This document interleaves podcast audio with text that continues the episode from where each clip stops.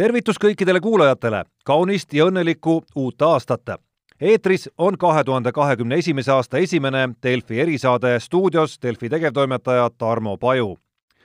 nagu aasta esimesele saatele kohane, ei saa see olema päris tavapärane. tänase saate tarvis olen ilma pikema ettehoiatuseta helistanud erinevatele kolleegidele meie meediamajas ja küsinud neilt ühe lihtsa ja päris ebaoriginaalse küsimuse, mida ootad uuelt aastalt ja aeg on anda sõna vastustele.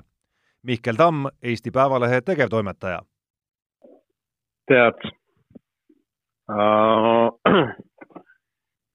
mõnes mõttes tahaks nagu, et elu oleks hästi rahulik. aga ma kardan, et see oleks väga igav. ja, aga samas soovida nagu nõnda sündmuste rohket aastat, kui see tundub väga vastutustundetu, nagu umbes maskita käimine seega kuskile sinna keskele, et uus aasta oleks põnev, tuleks ütleme Eesti elu mõttes põnev, tuleks ajakirjanduslikus mõttes huvitav, aga ka isiklikus mõttes ägedam ja vabam kindlasti kui see aasta. no et ma saaksin ikkagi minna linna ja istuda kõrtsi ma ei peaks muretsema selle peale, et kui ma saan oma tuttavatega kokku, et kas kas kuskil terendab mingi oht, et äh, on äh, võimalus haigusi edasi tassida ja nii edasi ja nii edasi. et äh, see mure mõte sellest vabaks. mina olen suur, suhteliselt suur optimist, et kui rääkida vaktsiinidest, siis äh, siin, eks ole, kurdetakse, et asi käib aeglases tempos ja käibki, aga aga kui vaadata nüüd mõne kuu perspektiivi ja kui seda, et kui palju inimesi meil on vaja teha ära, inimestel on vaja ära teha vaktsiinid Äh, kes kuuluvad sellesse kõige vahetumasse ohugruppi, ehk siis äh, väga eakad ja need, kellel on põdur tervis, siis äh, kui me saame need kriitilised punktid ära tehtud, siis sealt edasi saab ju hakata ka kruvisid tõdemaks keerama, nii et ma lähen nagu ütleme, kevade teisele poolele ja suvele vastu suure rõõmuga. Maalehe ajakirjanik Bianca Mikovitš. ütleme niimoodi, et, et siin on kaks kaks vahet, eks ole, saab siin teha. esiteks, mida, mida ootan ma kui lihtsalt äh, tavaline mm, Eesti kodanik ja teiseks, mis ma ootan kui Maalehe ajakirjanik. ja Maalehe ajakirjanikuna ma kindlasti ootan seda, et, et me saaks rohkem kohtuda oma lugejatega jälle, sest äh, meile meeldib seda teha väga ja et me saaksime rohkem väljas käia rahuliku südamega.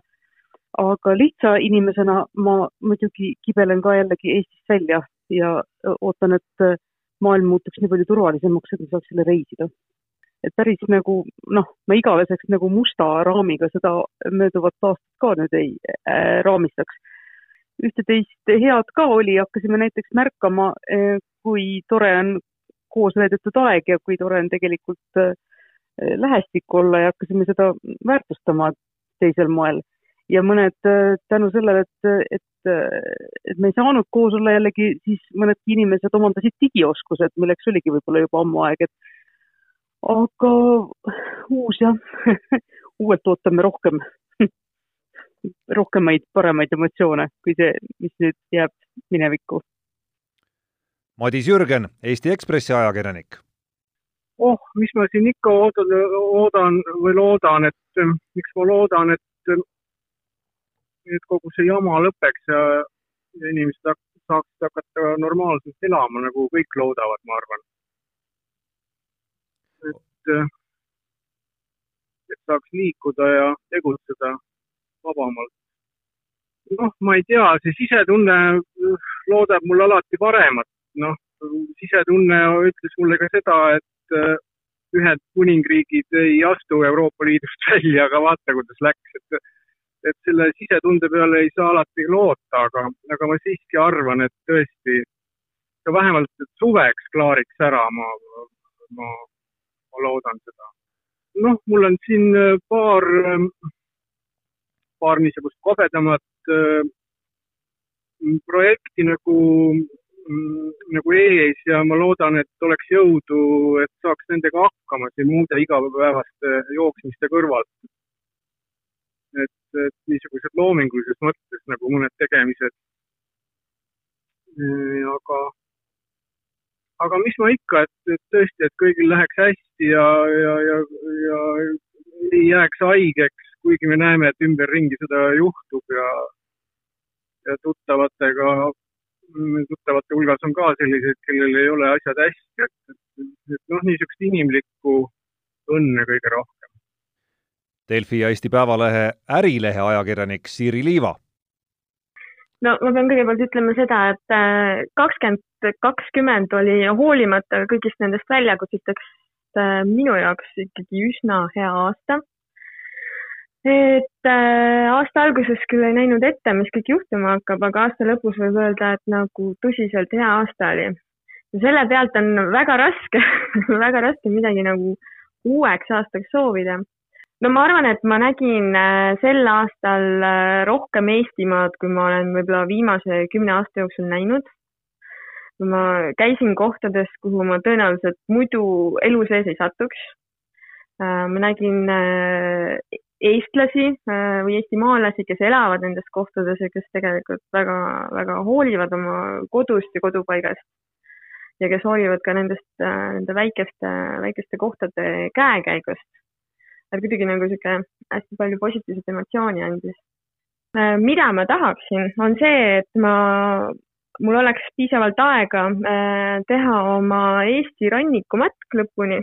Äh, mul on jäänud veel siin aasta alguses Hiiumaale tiir peale teha ja siis suvel Saaremaale ja siis natuke Pärnumaast. et seda ma kindlasti ootan.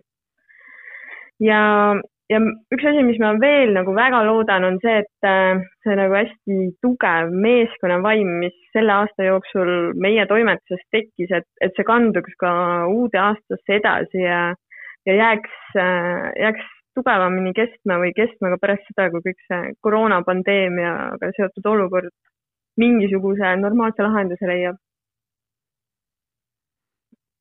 ja ma arvan, et äh, need on niisugused kaks väga head asja, mida uuelt aastalt oodata. Eesti Ekspressi ajakirjanik Grete Lehepuu.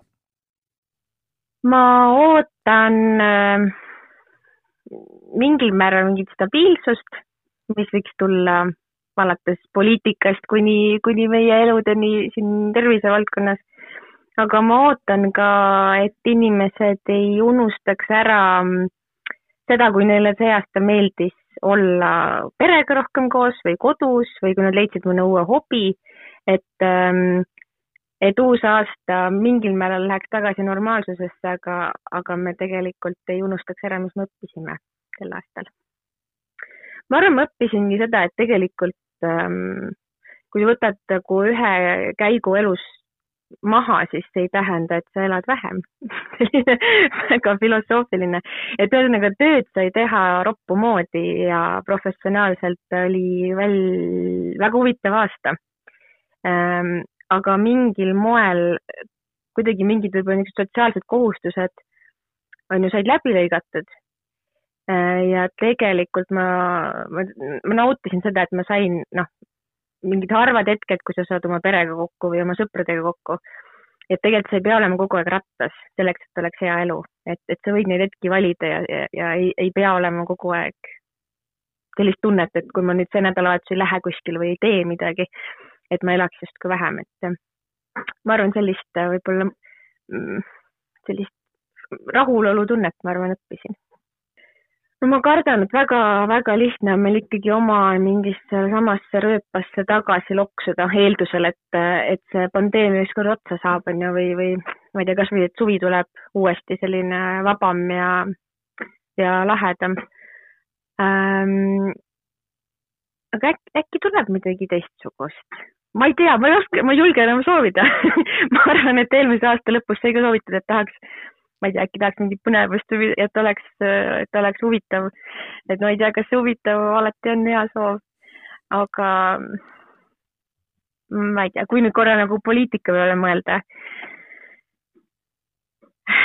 valimised on tulemas, on ju. Mm, äkki, äkki me näeme midagi, et äkki, äkki ühiskondlikult me, me otsustame kuidagi uutmoodi või äkki need, keda me valime, ma ei tea, see tundub nii naiivne jutt võib-olla, aga, aga et äkki, ma ei tea, see, mis, mis paistab välja reitingutes või et inimesed kuidagi näitavad, et nad tahavad midagi muud ja räägivad ja kiruvad, et äkki siis nüüd me oleme pandeemiast hoolimata õppinud seda, et, et me võiks seda siis ka otsustada. Eesti Päevalehe ja Delfi spordiajakirjanik, Mehed ei nuta saatejuht Jaan Martinson. kui päris aus olla, siis enam ei julge mitte midagi oodata. mind ei rahulda teadlaste, ekspertide, kõikide muude tarkade inimeste jutt sellest, et, et kohe-kohe, kui vaktsiin saabub, saame me terveks ja maailm läheb omadega korda. et juba see koroonaviiruse tulek oli küllaltki ehmatav, sellele ei osanud keegi korralikult vastu astuda. me ei tea, millised mutatsioonid tulevad, me ei tea, kuidas see vaktsiin toimib Äh, me ei tea, kui kaua ta inimest kaitseb, me ei tea, kui kaua seda äh, vaktsiini saab. Äh, seepärast täpselt sama oli ka ju eelmise aastaga, me ennustasime jumal teab mida, olümpiamänge, ralli MM-i, kolmeteist etappi, jalgpalli EM-i, tegelikult ei toimu nüüd mitte midagi, kõik need jäid ära. ja praeguses olukorras ainuk-, ainukene, mis ma ennustan, on see, et me saame hakkama. ükstapuha, kui hulluks see asi läheb või kui heaks see asi läheb, me tuleme enesega toime ja me jääme ellu, vähemalt äh, suurem osa meist ja me ei pööra peast ennast ära, vaid äh, ootame seda aega, kui tõesti maailm täielikult paika loksub. järgmine aasta, ma olen üsna veendunud, maailm paika ei loksu. Ekspress Meedia uuriva toimetuse juht Holger Roonemaa. No uuelt aastalt ootan ma, ootan ma seda, et esiteks see koroona jama lõplikult kontrolli alla saaks ja elu enam-vähem nagu normaalseks muutuks ja et, et inimesed selle juures nagu säilitaksid ka oma, oma kaine mõistuse, aitaksid selle jama, mis meil praegu toimub, kontrolli alla saada. Eelmise aasta vahetusel, kolmsada kuuskümmend kuus päeva siis tagasi me ei osanud keegi ette näha, et, et milliseks see kaks tuhat kakskümmend äh, muutub, et ta selliseks läheb.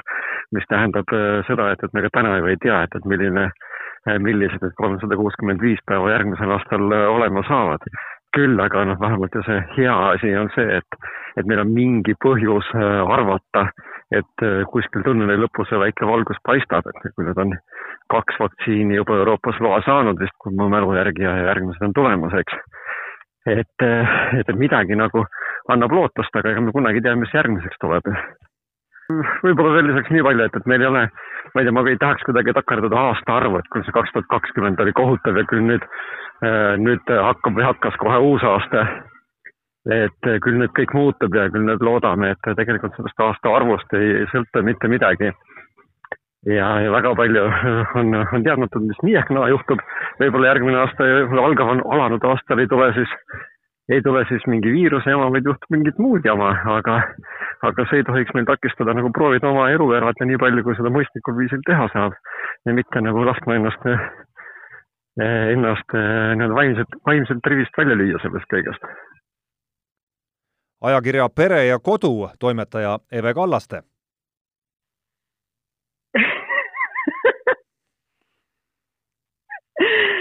See on nüüd selline küsimus, et ähm, inimestel ilmselt on sellele mingisugune vastus.